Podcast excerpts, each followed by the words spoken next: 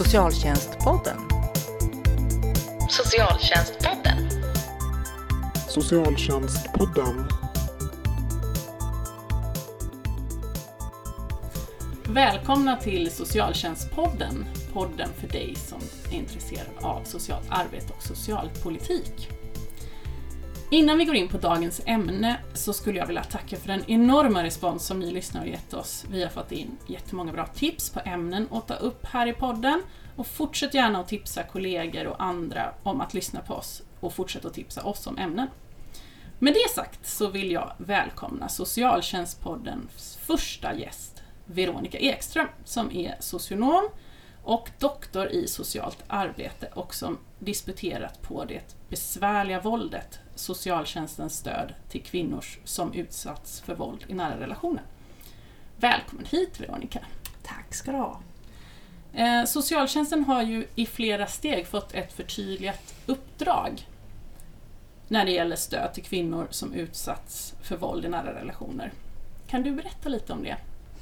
Jo, men så är det ju. Alltså, socialtjänsten har väl i alla tider alltid mött eh, en, Mm. en viss kategori av, av våldsutsatta kvinnor.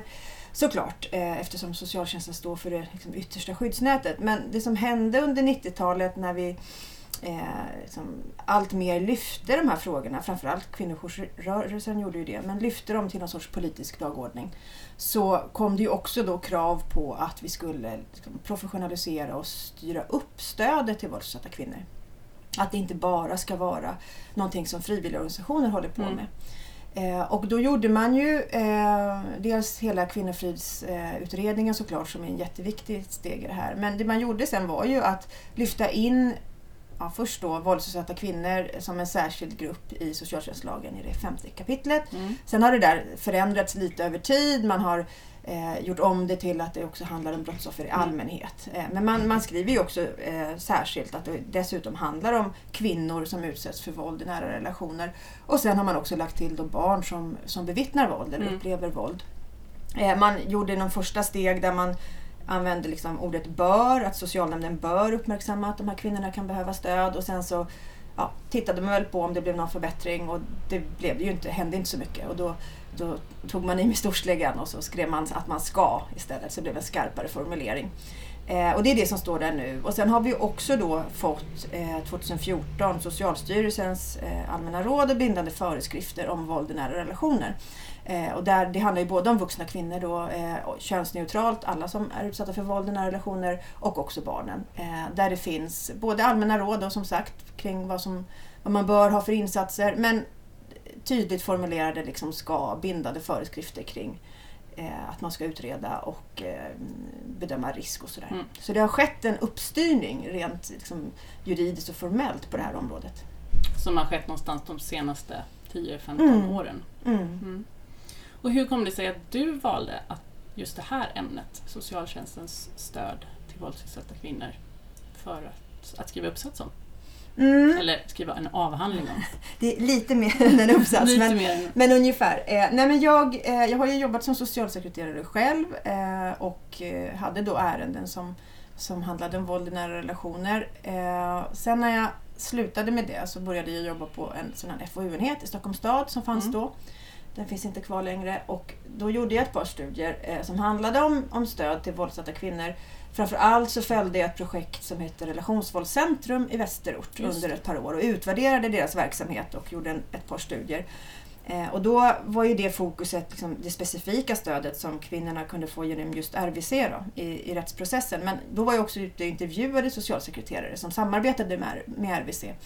Och det blev tydligt för mig att de här socialarbetarna har väldigt olika villkor när Mm. de ska arbeta med det här. Alltså man, beroende på vilken stadsdel du bor eller i vilken kommun du bor så, så, så beskrev de helt olika typer av, av eh, verkligheter, de här socialarbetarna.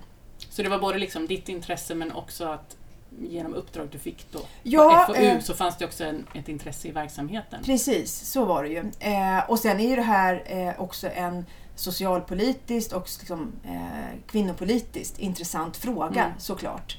Eh, där jag tycker också, det som är spännande är att, att eh, liksom, å ena sidan så pratar vi om socialtjänsten som är ett man kan diskutera på jättemånga olika sätt. Alltså väldigt intressant socialpolitiskt verktyg för att, att åstadkomma förändringar Mm. eh, i samhället för de allra mest utsatta. Och, så.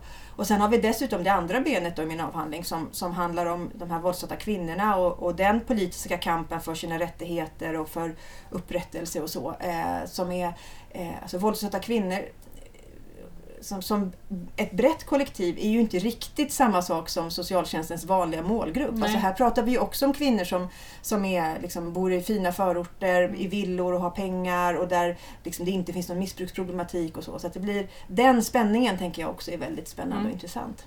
Vi kommer ju in lite på det sen. Eh, men här kan man ju alltid när man ska forska så måste man ju göra avgränsningar och du, det är just kvinnor, det är inte samkönade relationer, det är inte specifikt hedersvåld som du har tittat på utan Mm.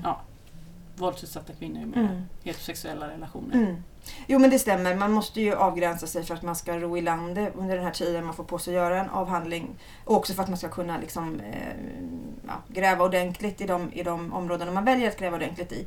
Eh, så jag har ju skrivit om precis det då, eh, vuxna kvinnor som utsätts för våld i nära relationer. Eh, jag har till exempel nästan inte skrivit alls om de här barnen i de här familjerna. Nej. Det finns ju många andra som skriver avhandlingar om det och har gjort det. För det är såklart att det är också en jätteviktig del i socialtjänstens arbete Mm. med de här eh, familjerna. Eh, så är det såklart att, att uppmärksamma också de här barnen som växer upp i, i familjer där det förekommer våld. Och vad är det viktigaste som du har kommit fram till? Mm, det är en sån där fråga man brukar få. Eh, man får den alltid. Eh, och jag vet inte om, man, om jag missade någon kurs kanske på forskarutbildningen om jag skulle lära sig att svara det, på det med någon sorts två meningar. Ehm, men om jag ska välja några saker, jag tänker att jag kommer fram till ganska många viktiga saker. Men, men ehm, just det här att det blir så olika har jag fastnat vid. Och då kan man ju såklart säga så här, ja men det är ju meningen att det ska vara olika i socialtjänsten. Alltså, eh, socialtjänsten är en ramlag, eh, kommunallagen säger att vi ska så att säga, anpassa stödet till olika kommuners förutsättningar och framförallt till olika individers förutsättningar.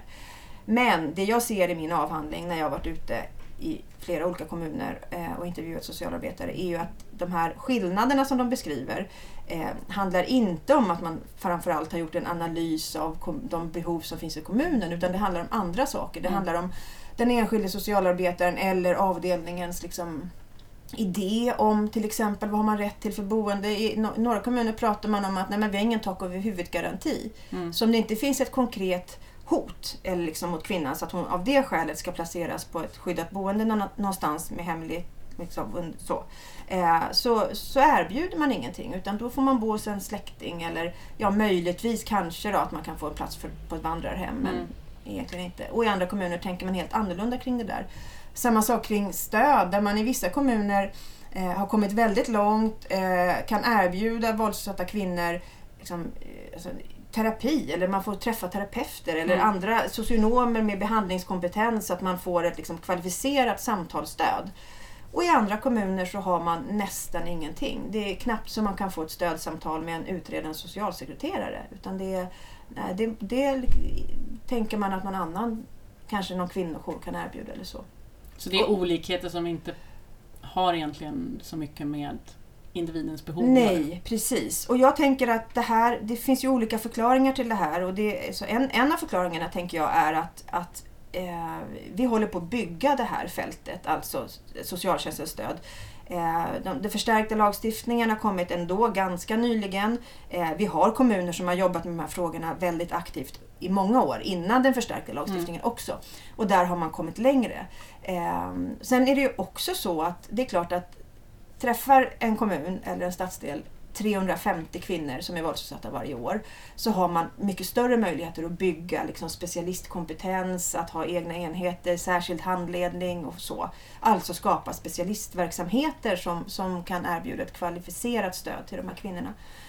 I andra kommuner som är mindre eh, alltså befolkning i, man kanske träffar 10 kvinnor per år, Mm. då blir det liksom inte ens hela tjänster vi pratar om Nej. utan då blir det en annan typ av stöd. Och, eh, jag tror att vi håller på i samhället, vi blir någon sorts, alla vi medborgare, politiker, chefer, socialarbetare, alla vi som tycker om det här. Mm. Eh, vi håller ju på och sakta men säkert tror jag utveckla någon sorts praxis kring det här. Precis som vi har gjort i, de övriga liksom, delarna i socialtjänstlagen kring, kring ja, men vad har man rätt till då som, som eh, missbrukare eller som eh, ja, när man har gjort en barnavårdsutredning, vad är det för typ av insatser vi ungefär kan prata om och sådär. Det håller vi på med på, på det här fältet men vi har inte kommit så långt än och det är därför det kan bli så olika också. Och då tänker jag att eh, det som måste till då är ju att alltså, alla de som, som sitter på kompetens kring våld i nära relationer, de behöver ge sig in i det här fältet och prata om vad är det då som, som ska till för stöd.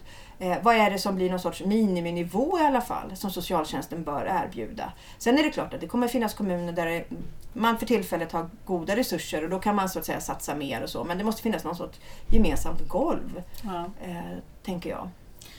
För sen är det ju som mycket, eller nästan det mesta som socialtjänsten jobbar med, att det kan vara stigmatiserande och det är ingenting som man vill skylta med och så, men att det också kan finnas ett behov av kommunen att tala om vad man har för att nå ut till alla de som eh, är utsatta för våld men som inte ringer till mm. socialtjänsten. Mm. Absolut. Eh, jag tänker att det finns två delar i det där. Det ena är att vi, alltså vi behöver liksom, ta det på allvar. Det finns, det finns många kvinnor i det här landet som aldrig skulle kunna tänka sig gå till socialtjänsten. Då behöver vi ha ett stöd, tänker jag, som finns parallellt via mm. socialtjänsten. Alltså, vi behöver ha kvinnojourer som, som har resurser nog att fungera. Eh, och brottsofferjourer och så. Men, men eh, som, kan, som kan arbeta med de här grupperna parallellt eh, som en annan ingång. Jag tänker också att man behöver fundera på det här vad vi sätter för trösklar för socialtjänstens stöd. Alltså både trösklar i termer av att ja, du måste ta dig till socialkontoret och bli utredd på socialkontoret för att kunna få någon sorts samtalsstöd. Eh, den alternativa modellen som finns på, på en del ställen i landet är att man inte behöver bli utredd först mm. utan man, man bygger upp kommunala verksamheter som egna ingångar. Alltså det är rent fysiskt också ett annat hus. Eh, man kan gå dit utan en, en, att bli utredd först och man går dit på sina egna premisser. Och då kan man ju inte få försörjningsstöd och så via dem men man kan få samtalskontakter i alla fall. Eh, jag tänker att det är, man kan ju prata om, om den här ökade utrednings eh, eh, och formaliseringstendensen generellt i socialtjänsten. Och det tycker jag det, finns vikt, det är viktigt att göra det därför att det finns viktiga rättssäkerhetsfrågor här mm. som är, som är liksom viktiga. Men när det kommer just till våldsutsatta kvinnor så vet vi ju dels att de så att säga är utsatta för reella hot som är farliga dessutom. Och att vi eh, det finns också en anledning till att många av de här kvinnorna är myndighetsrädda. Mm. Att man kanske inte vill uppge sitt namn därför att det innebär i sin tur fara. Ja. Eh, och, och, Det gör att just våldsutsatta kvinnor eh, blir liksom en specifik grupp som vi behöver tänka ett varv till kring innan vi börjar stänga dörrar till socialtjänsten, tänker jag. För du har ju också intervjuat våldsutsatta kvinnor eh, och där är det ju flera som inte ser sig som personer som går till socialtjänsten. Eh, och med det här som du har sagt nu, tänker du att det som behöver finnas det som kallas serviceingångar när det gäller just stödet till våldsutsatta kvinnor, oavsett vad som händer med serviceingångar när det gäller resten av socialtjänsten? Jo, men jag tänker det. Om, om, vi, om vi på fullt allvar tycker att socialtjänsten ska så att säga nå ut till, till våldsatta kvinnor generellt, alltså en bredare eh, bemärkelse än de som alltid har kommit till oss, så behöver vi nog ha det. Öppnare ingångar. Eh, jag tänker Relationsvåldscentrum är ett bra exempel på det där där de jobbar inte med myndighetsutövning, de jobbar bara under rättsprocessen, alltså stöd i rättsprocessen. Eh, och de är ju socionomer, de är anställda hos socialtjänsten men de sitter i ett polishus. Mm. Så för de här kvinnorna då så uppfattas de inte som en del av socialtjänsten utan de blir något annat.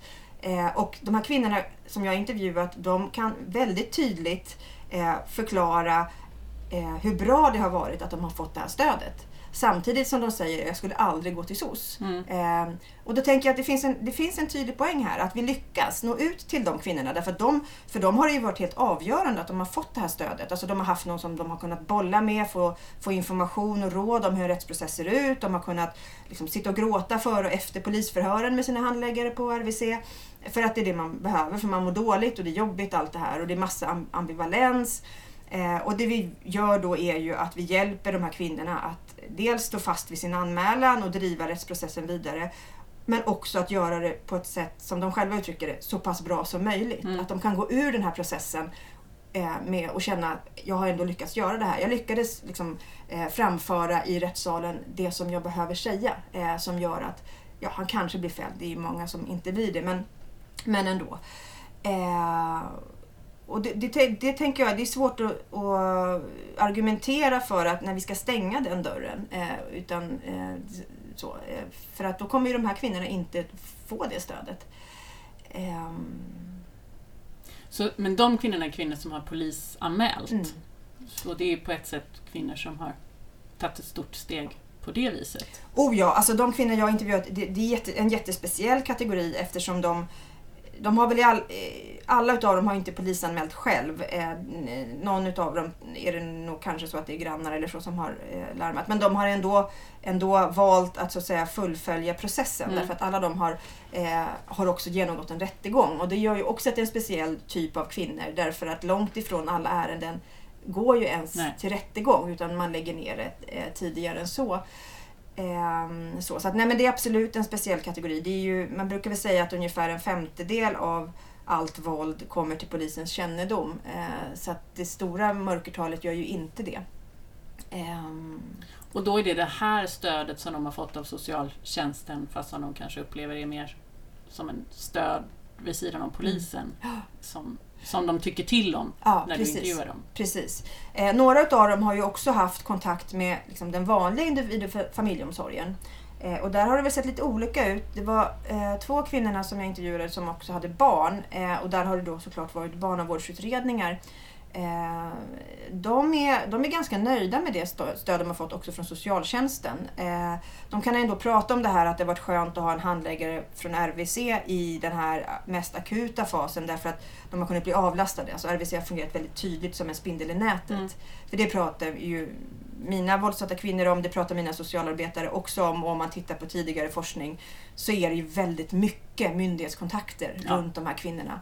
Och att ha någon som i alla fall under den mest akuta fasen, eh, de här månaderna när polisutredningen och rättegången pågår, kan hjälpa en i att sortera det där och avlasta en i, i det och kanske ringa det där samtalet istället för att man hela tiden ska få bolla tillbaka att man ska göra allting själv. Då. Eh, så. Men sen har jag också i mitt material en, eh, en utav kvinnorna som eh, försökte ta kontakt med socialtjänsten. Hon behövde försörjningsstöd eh, för att hon eh, kunde inte... Hon behövde också hjälp med ny bostad för hon kunde inte bo i den gamla bostaden för det var farligt för henne och sådär.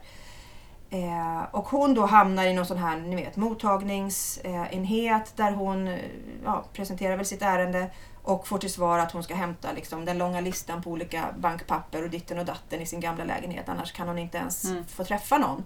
Och, och ingen blir, kan hjälpa henne? Nej, och hon blir ju jättebesviken. Eh, därför att, alltså, hon blir ju kränkt, eller vad man ska säga. Ja. För att de tar ju inte hennes, hennes problematik på allvar. Hon bemöts som vilken försörjningsstödsansökare som helst.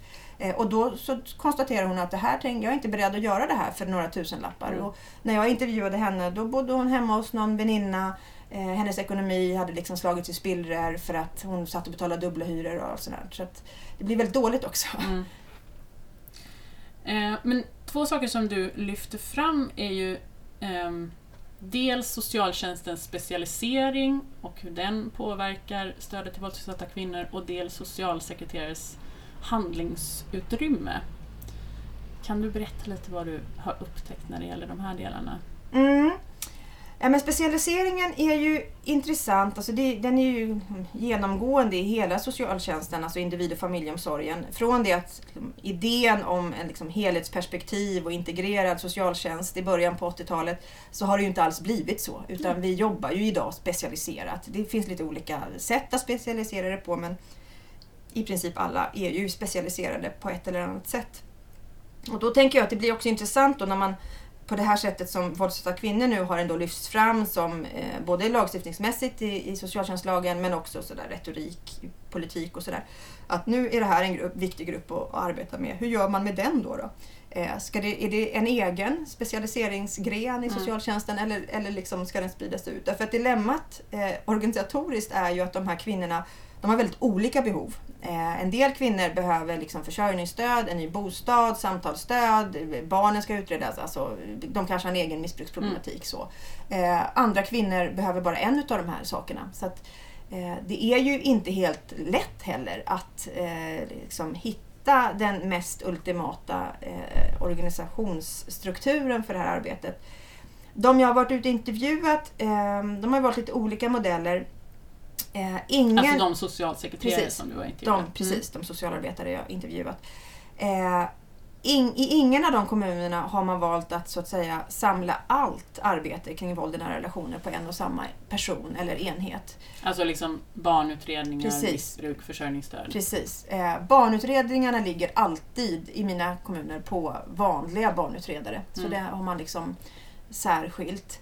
Eh, flera av mina kommuner har också valt att, eh, när de har valt att samla stöd till våldsutsatta kvinnor, så har man inte valt att ta med försörjningsstödet, utan det ligger kvar.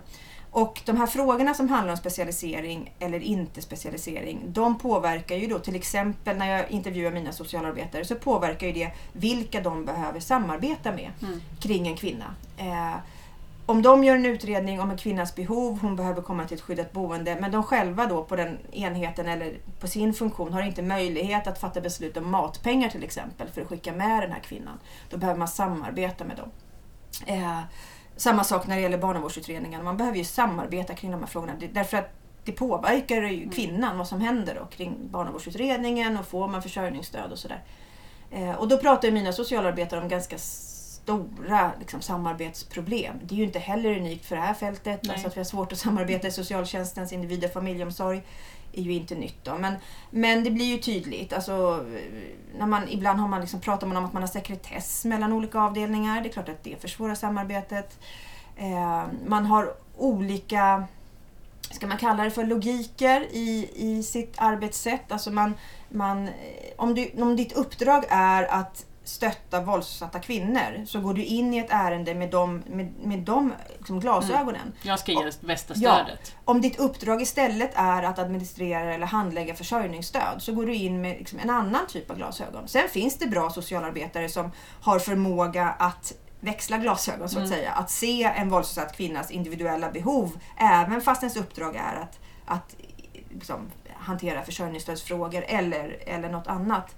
Ehm, men det kräver ju kompetens. Mm. Det säger mina socialarbetare. Ska vi kunna samarbeta inom individ och familjeomsorgen så måste vi alla ha någon sorts grundkompetens om våld i nära relationer. För annars kommer vi hamna i samarbetskonflikter hela tiden. Ehm, och det, det, så ser det ju inte ut idag. Med nya...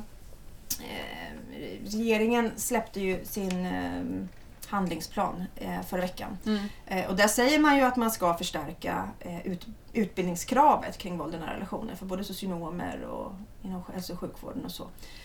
Det återstår att se vad det blir av det. Det har vi inte sett än, vad det blir för examensmål. Men, men någon typ av förstärkning kommer alltså att komma. Alltså att man skulle skriva in i examensmålen ja. för socionomutbildningen till exempel.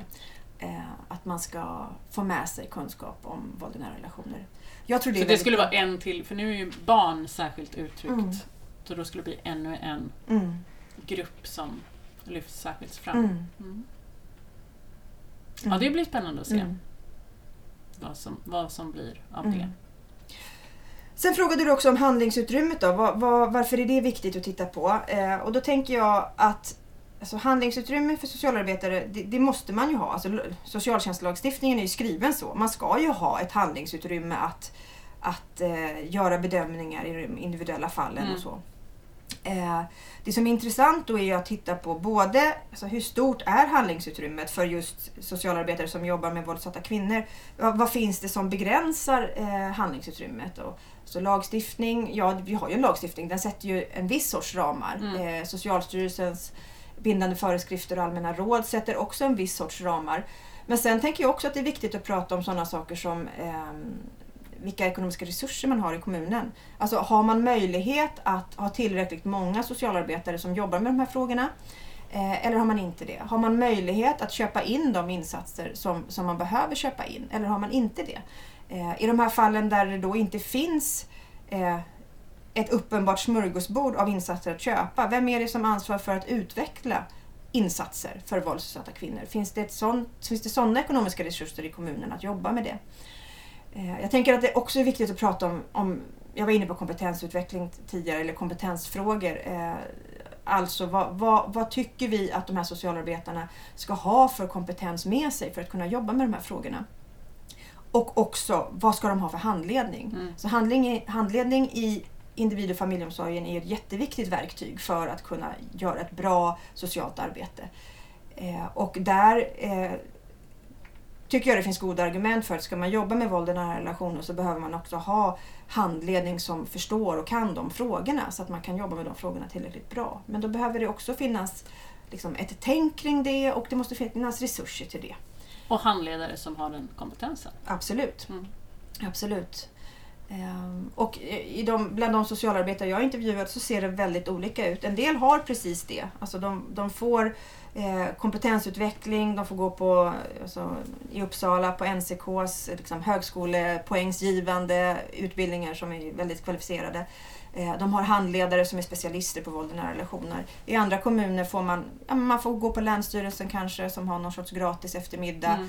Eh, man har bara handledning med liksom den vanliga, om man jobbar på en missbruksenhet så är man med på den handledningen där det inte finns specialistkompetens just kring våldet. Eh, och så. Eh, så det tänker jag är viktigt för handlingsutrymmet. Sen tänker jag den andra aspekten av det som är intressant med handlingsutrymmet det är ju hur socialarbetarna sen inom sitt handlingsutrymme hanterar detta handlingsutrymme. Mm. Därför att det kan man ju, handlingsutrymme i sig är ju varken gott eller ont utan det, är vad man gör med det. det. är ju vad man gör med det. Alltså vad, vad, vad har man för strategier för att utnyttja handlingsutrymmet till att skapa gräddfiler för sina, sina klienter till exempel. Då menar jag det i, bra bemärkelse, det vill säga alltså, man, man identifierar behov hos den här våldsutsatta kvinnan som gör att man liksom kan ja, hitta en gräddfil kanske på försörjningsstödsenheten så man kan få gå före någon sorts kö eller någon snabbare bedömning för att just de här kvinnorna behöver det. Eh, men också alltså, när man går in och begränsar tillgången för att hantera en, en arbetssituation som kanske är eh, svårhanterlig. Alltså man har för mycket att göra. Ja. Det finns alltid liksom, nya klienter som knackar på dörren. Man skulle alltid kunna jobba dygnet runt och ge ett bättre stöd och det, så, så funkar det ju inte. Eh, och då utvecklar man ju strategier för att liksom, minska glappet mellan å ena sidan då eh, vad man är tillsagd att göra och å andra sidan vad man klarar av att Mm. göra. Där man, det finns ju olika strategier. Man kan ställa krav på vilka kvinnor eh, man ska ge stöd till. Eh, är bara kvinnor som har lämnat sin man. ja, till Gifter exempel. Som exempel. Eh, man kan ställa krav på att man, eh, alltså det här, att öka mm, kravet på formella utredningar och beslut blir ju ett sätt också att, att, att minska köer. Mm. Eh, alltså man kan säga att ja, men man har bara rätt till åtta eh, stöd, stödsamtal. Sen måste man genomgå en ny utredning och en ny, liksom, ett nytt beslut. Eh, och då blir det ett ganska effektivt sätt att begränsa eh, längden på insatser. Och ibland är det bra och rimligt att göra det och ibland tänker jag att det kanske inte är bra och rimligt att göra det. Det, det är ju beroende på liksom den individuella kvinnans behov. Ja. Eh, så. Därför tänker jag att handlingsutrymmet eh, är viktigt. Eh, det är ju liksom där eh, det som blir det sociala arbetets praktik eh, skapas. Det är ju i mötet eh, mellan den enskilde socialarbetaren och dens klienter, tänker jag. Det är inte liksom någon sorts chefsnivå eller någon sorts policydokumentnivå, utan det är liksom i det konkreta dagliga sociala arbetet. Det är där vi avgör alla de här frågorna och det är därför det är viktigt att också studera just den nivån Mm. och inte bara läsa handlingsprogram eller policydokument. Men det som inte, eh, som jag kommer ihåg, finns med så mycket är ju just chefer.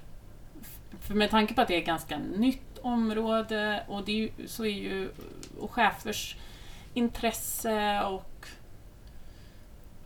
ja, utrymme att liksom kunna försvara sin verksamhet påverkar ju också väldigt mycket vilket handlingsutrymme socialsekreterare har och vilka ekonomiska ramar man kan lyckas ta sig. Ehm, Oh ja, eh, jo men så är det ju. Jag har va- inte valt att, att eh, särskilt liksom, intervjua chefer i min avhandling. Eh, mest av avgränsningsskäl för att jag tänker att man måste avgränsa sig och jag valde socialarbetare för jag tänker att det är ändå där de här frågorna ytterst avgörs, liksom de här spänningsfrågorna. Men, men det är klart att, att chefer är, är viktiga. Eh, de är, jag har pratat med mina socialarbetare om liksom statusfrågor mm, Eh, och de kan ju beskriva, flera av dem, att ändå att de upplever att de har ganska hög status. Alltså chefer lyssnar på dem. Eh, kommunala politiker lyssnar på Mm. dem. Eh, alltså, jag tolkar dem som att de har ganska mycket en egen röst, alltså ett eget mandat att driva frågor i kommunen. Eh, där man inte är så beroende av chefer, eller man behöver ju ha bra chefer, Mm. men, men det är ju inte så att, att liksom, cheferna lägger locket på eller är de som, som agerar uppåt, utan att man ändå som socialarbetare i de här kommunerna där man en, har en hög kompetens eh, också ändå får, får möjlighet att arbeta med den kompetensen och tas på allvar. Det vill säga man kan Mm. saker om de här frågorna. Och det hänger ju säkert ihop med att det är en intressant fråga politiskt. Ja, Som kommunpolitiker är Ja. intresserad. ja. Jo men och det är mina socialarbetare jättetydliga med att det här är en fråga som är, som är liksom viktig politiskt ska jag säga, lite oavsett politisk färg så är den viktig liksom, på det kommunalpolitiska planet. Mm. Eh, jag tror också att Socialstyrelsens allmänna råd 2014 bidrog till det. Alltså att det blir någon sorts fokus på frågorna. Eh, också hela FREDA-materialet, oavsett vad man tycker om det som Socialstyrelsen har lanserat, eh, skapar ju liksom ett fokus och ett intresse. Det är en av mina socialarbetare som hon säger det, liksom det här, ja men nu är FREDA, det är den hetaste potatisen här i, i kommunen. Så. Och då menar hon det på ett positivt sätt. Därför att det gör ju att, att liksom, eh, både politiker och chefer kommer med på banan och de här frågorna lyfts och man själv får ett erkännande för det arbete man gör som socialarbetare och så. Så på det sättet har Socialstyrelsen, för där kommer det ju också kommit mera krav på formella utredningar och på riskbedömningar. Att det också har lyft, inte bara påverkar arbetet för socialsekreteraren utan också påverkat på högre nivå. Mm, det skulle jag säga att det har. Eh, att det skapar en, absolut en medvetenhet eh, när det kommer liksom bindande föreskrifter. Sen, också för att man har ju också sådana här utbildningsdagar kring de här föreskrifterna som, som gör att de också blir liksom lagda på bordet väldigt tydligt. Sen blev ju just de som kom 2014, de blev ju väldigt omskrivna eftersom det var de som handlade om eh, barnavårdsutredningar och Mm. möjligheten att inte in, inleda utredningar. Mm. Alltså, så att de, de fick ju ett väldigt stort fokus överhuvudtaget, just de. Just utifrån det att man Mm. nu ska öppna utredning Precis. på alla som man... När det är våld så ska man Mm. alltid utreda. Mm. Eh, och det har också påverkat handlingsutrymmet. Mm.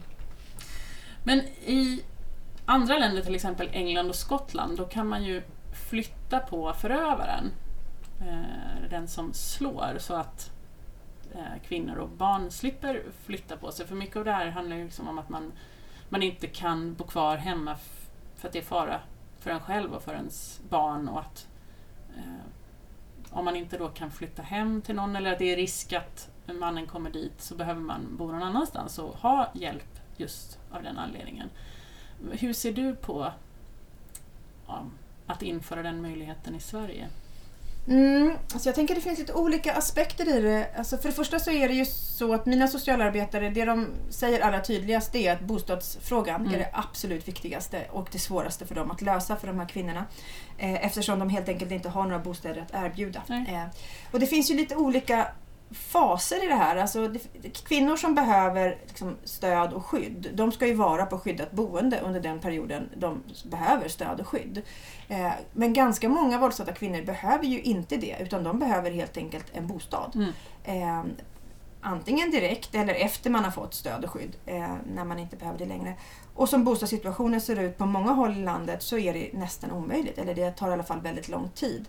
Och där finns det ju olika situationer. Ibland så har man ju en gemensam bostad med mannen.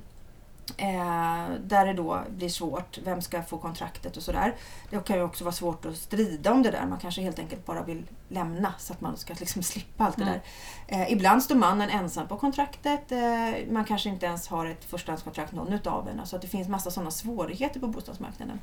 Men sen är det klart att det skulle vara bra eh, med en, och det pratar ju många om, en, att liksom, den här orättvisan i att, att det är...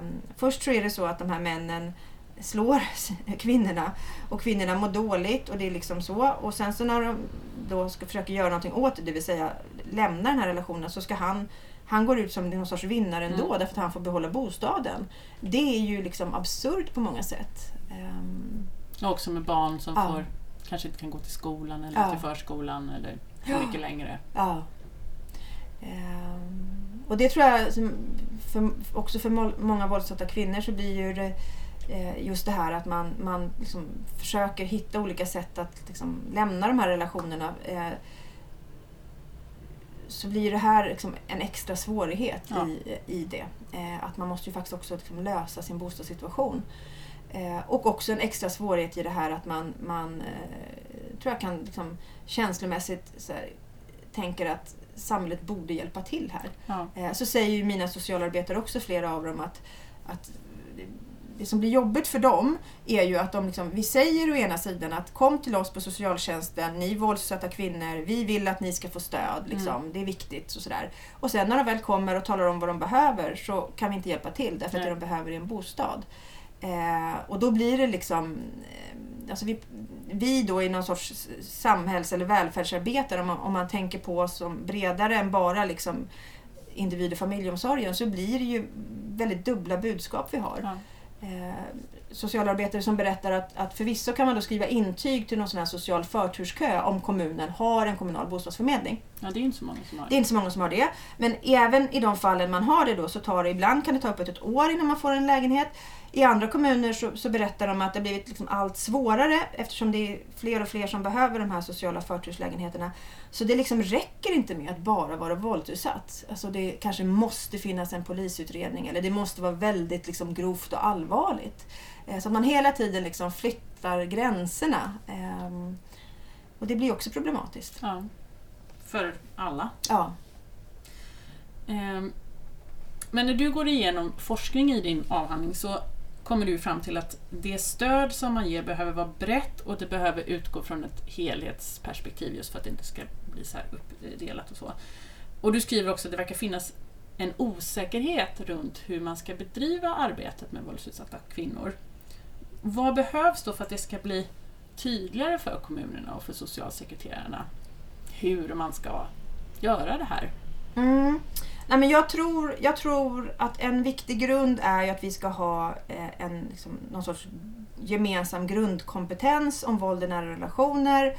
Eh, man måste i kommunerna liksom ha en samsyn på hur ska vi arbeta eh, med våld i nära relationer i vår kommun. Sen kan man ju då utifrån det bestämma sig för liksom, lite olika modeller för hur man specialiserar sig Mm. eller inte. Det, det tänker jag, det där behöver man anpassa lokalt. Men, men man behöver liksom eh, vara på banan allihopa. Alltså vi kan inte ha en, ett, ett stöd som bygger på att vi har någon, någon enstaka eldsjäl som sitter och, och jobbar med de här kvinnorna och sen så då har hon en, en liksom, barnavårdsenhet och en försörjningsstödsenhet som i praktiken motarbetar Mm. det stödet hon då eh, tänker sig att kvinnan ska ha. Alltså då, då blir det väldigt dåligt. Eh, och där tror jag att vi behöver just det, alltså kompetens och samsyn kring våldet eh, och hur vi ska bemöta de här frågorna.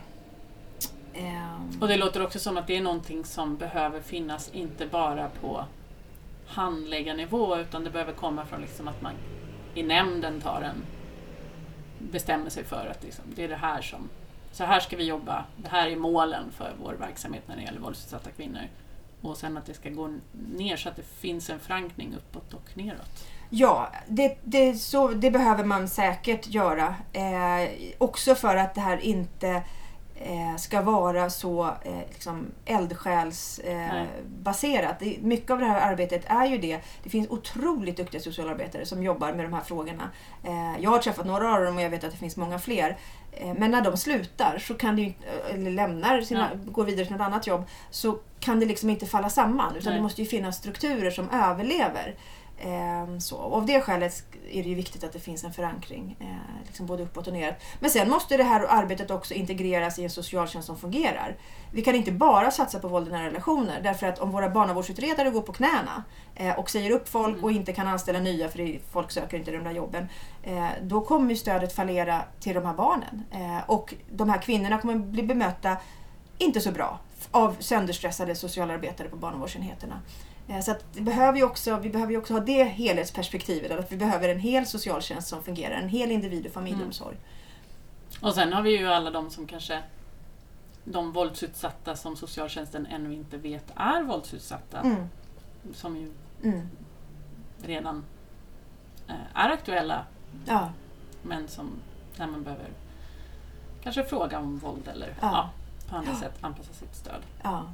Nej, men och, så, och så behöver vi också, jag har med ett citat från Susanna Alakoski i min avhandling, eh, när hon beskriver hur hon själv arbetar som socialarbetare, så säger hon det att eh, ja, vi mötte ju våldsutsatta kvinnor, vi såg att de hade blåmärken. Men vi frågade inte därför Nej. att vi hade inga insatser att erbjuda. Mm. Eh, och vi har kommit en bra bit längre än det idag. Men fortfarande har vi det där också. Ja, om vi nu ställer frågorna då. Mm. Eh, då vi måste vi vi ja? veta vad vi gör. Ja. Eh, vi måste kunna hantera det som enskilda socialarbetare och vi måste veta att det finns insatser att erbjuda de här våldsutsatta kvinnorna. Och det har vi förstått nu ser ju väldigt olika ut beroende Ja. på vart man finns. Eh, Men den här nya strategin om, mot mäns våld mot kvinnor som regeringen har fattat beslut om, hur ser du på den som forskare och socialarbetare? Eh, ja, nej men jag tänker att eh, det är väl bra alltså, eh, att vi pratar om de här frågorna. Som sagt så tycker jag det är bra med de här kompetens eh, som ligger i dem, i alla fall i skrivningar. Eh, men sen är ju med alla sådana här statliga dokument så, så blir det ju också lite upp till bevis. Alltså Ja. de är ju inte värda någonting om det inte så att säga händer något ute i våra verksamheter. Och då handlar ju det både om att vi Allting kostar inte pengar. Det finns ju en hel del saker här som inte kostar pengar och det, då behöver vi liksom ta emot den bollen och börja jobba med den. Mm. Men det andra är ju också det som faktiskt kostar pengar. Eh, som, eh, jag menar, ska vi ha handledning, ja, då måste vi ha råd att betala handledning. Ska vi, ska vi, ska vi på riktigt kunna hitta platser på skyddade boenden till alla sorters kvinnor eh, så att vi inte behöver placera dem på va- vandrarhem för att det är fullt på skyddade boenden. Ja, då måste det ju finnas pengar att bygga eh, strukturer, det vill säga skyddade boendenplatser. Oavsett om vi i kommunerna bygger dem själva eller om vi så att säga ser till så att vi har kvinnojourer och andra som kan liksom, ansvara för dem och sälja platser. Men, men och det är ju ett jobb som återstår liksom, efter det att eh, regeringen har tagit olika dokument. Mm. Då blir det hur ska vi förverkliga dem? Ja, Mm. precis. I poddens första avsnitt så pratade vi om översynen av socialtjänstlagen som ju regeringen har aviserat men som vi fortfarande inte vet riktigt när den kommer. Eh, vad skulle du vilja skicka med den som sitter och skriver på direktiven just utifrån ditt område? Om du Oj, har något som du Vad vill. svårt. Ehm...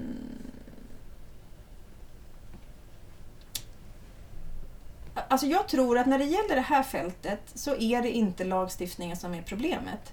Eh, Jag tänker det är tydligt i socialtjänstlagens femte kapitel att vi ska uppmärksamma eh, våldsutsatta kvinnor, brottsoffer i allmänhet och våldsutsatta kvinnor och barnen som lever i de här familjerna. Eh, Jag tycker också att socialtjänstlagens liksom, portalparagraf och skrivningarna i fjärde kapitlet om rätten till bistånd liksom är tydliga nog. Utan det är andra saker som behövs vad det gäller våldsutsatta kvinnor för att vi ska kunna förstärka det här stödet. Och när det gäller våldsutsatta kvinnor har vi inte, väl vad jag känner till, eh, mötts av några problem att ge som service Nej, än. Nej, eh, jag vet att eh, eller i mina intervjuer så är det ett par av socialarbetarna som, som pratar om det, alltså som, som lyfter rättssäkerhetsaspekten. Alltså de, de är inte så förtjusta i service. Eh, utan de vill att eh, det fattas formella beslut för att då kan kvinnorna också eh, överklaga Mm. om de får avslag. Och då kan vi så att säga liksom via eh, överprövningar och överklagningar få domslut som gör att vi liksom förstärker arbetet. De pratar också i termer av att om vi har en, en ökad grad av formella beslut så kan vi också säkerställa att eh, stödet blir mera så att säga lika. Alltså så att man har rätt till samma saker. Mm. Eh, ja, och jag tycker att det, är, det finns mycket klokt i de argumenten. Eh, men jag, jag tänker också som jag sa tidigare då att just den här gruppen eh, våldsutsatta kvinnor behöver vi också ha öppna dörrar Mm. eh, parallellt. Eh, för att det är en så speciell grupp. Så det här skulle behöva vara en grupp där det tydligt sägs att man får ge insatser på olika sätt. Ja, För samtidigt finns det att det blir mer synligt om man kan säga att vi har så här många ja.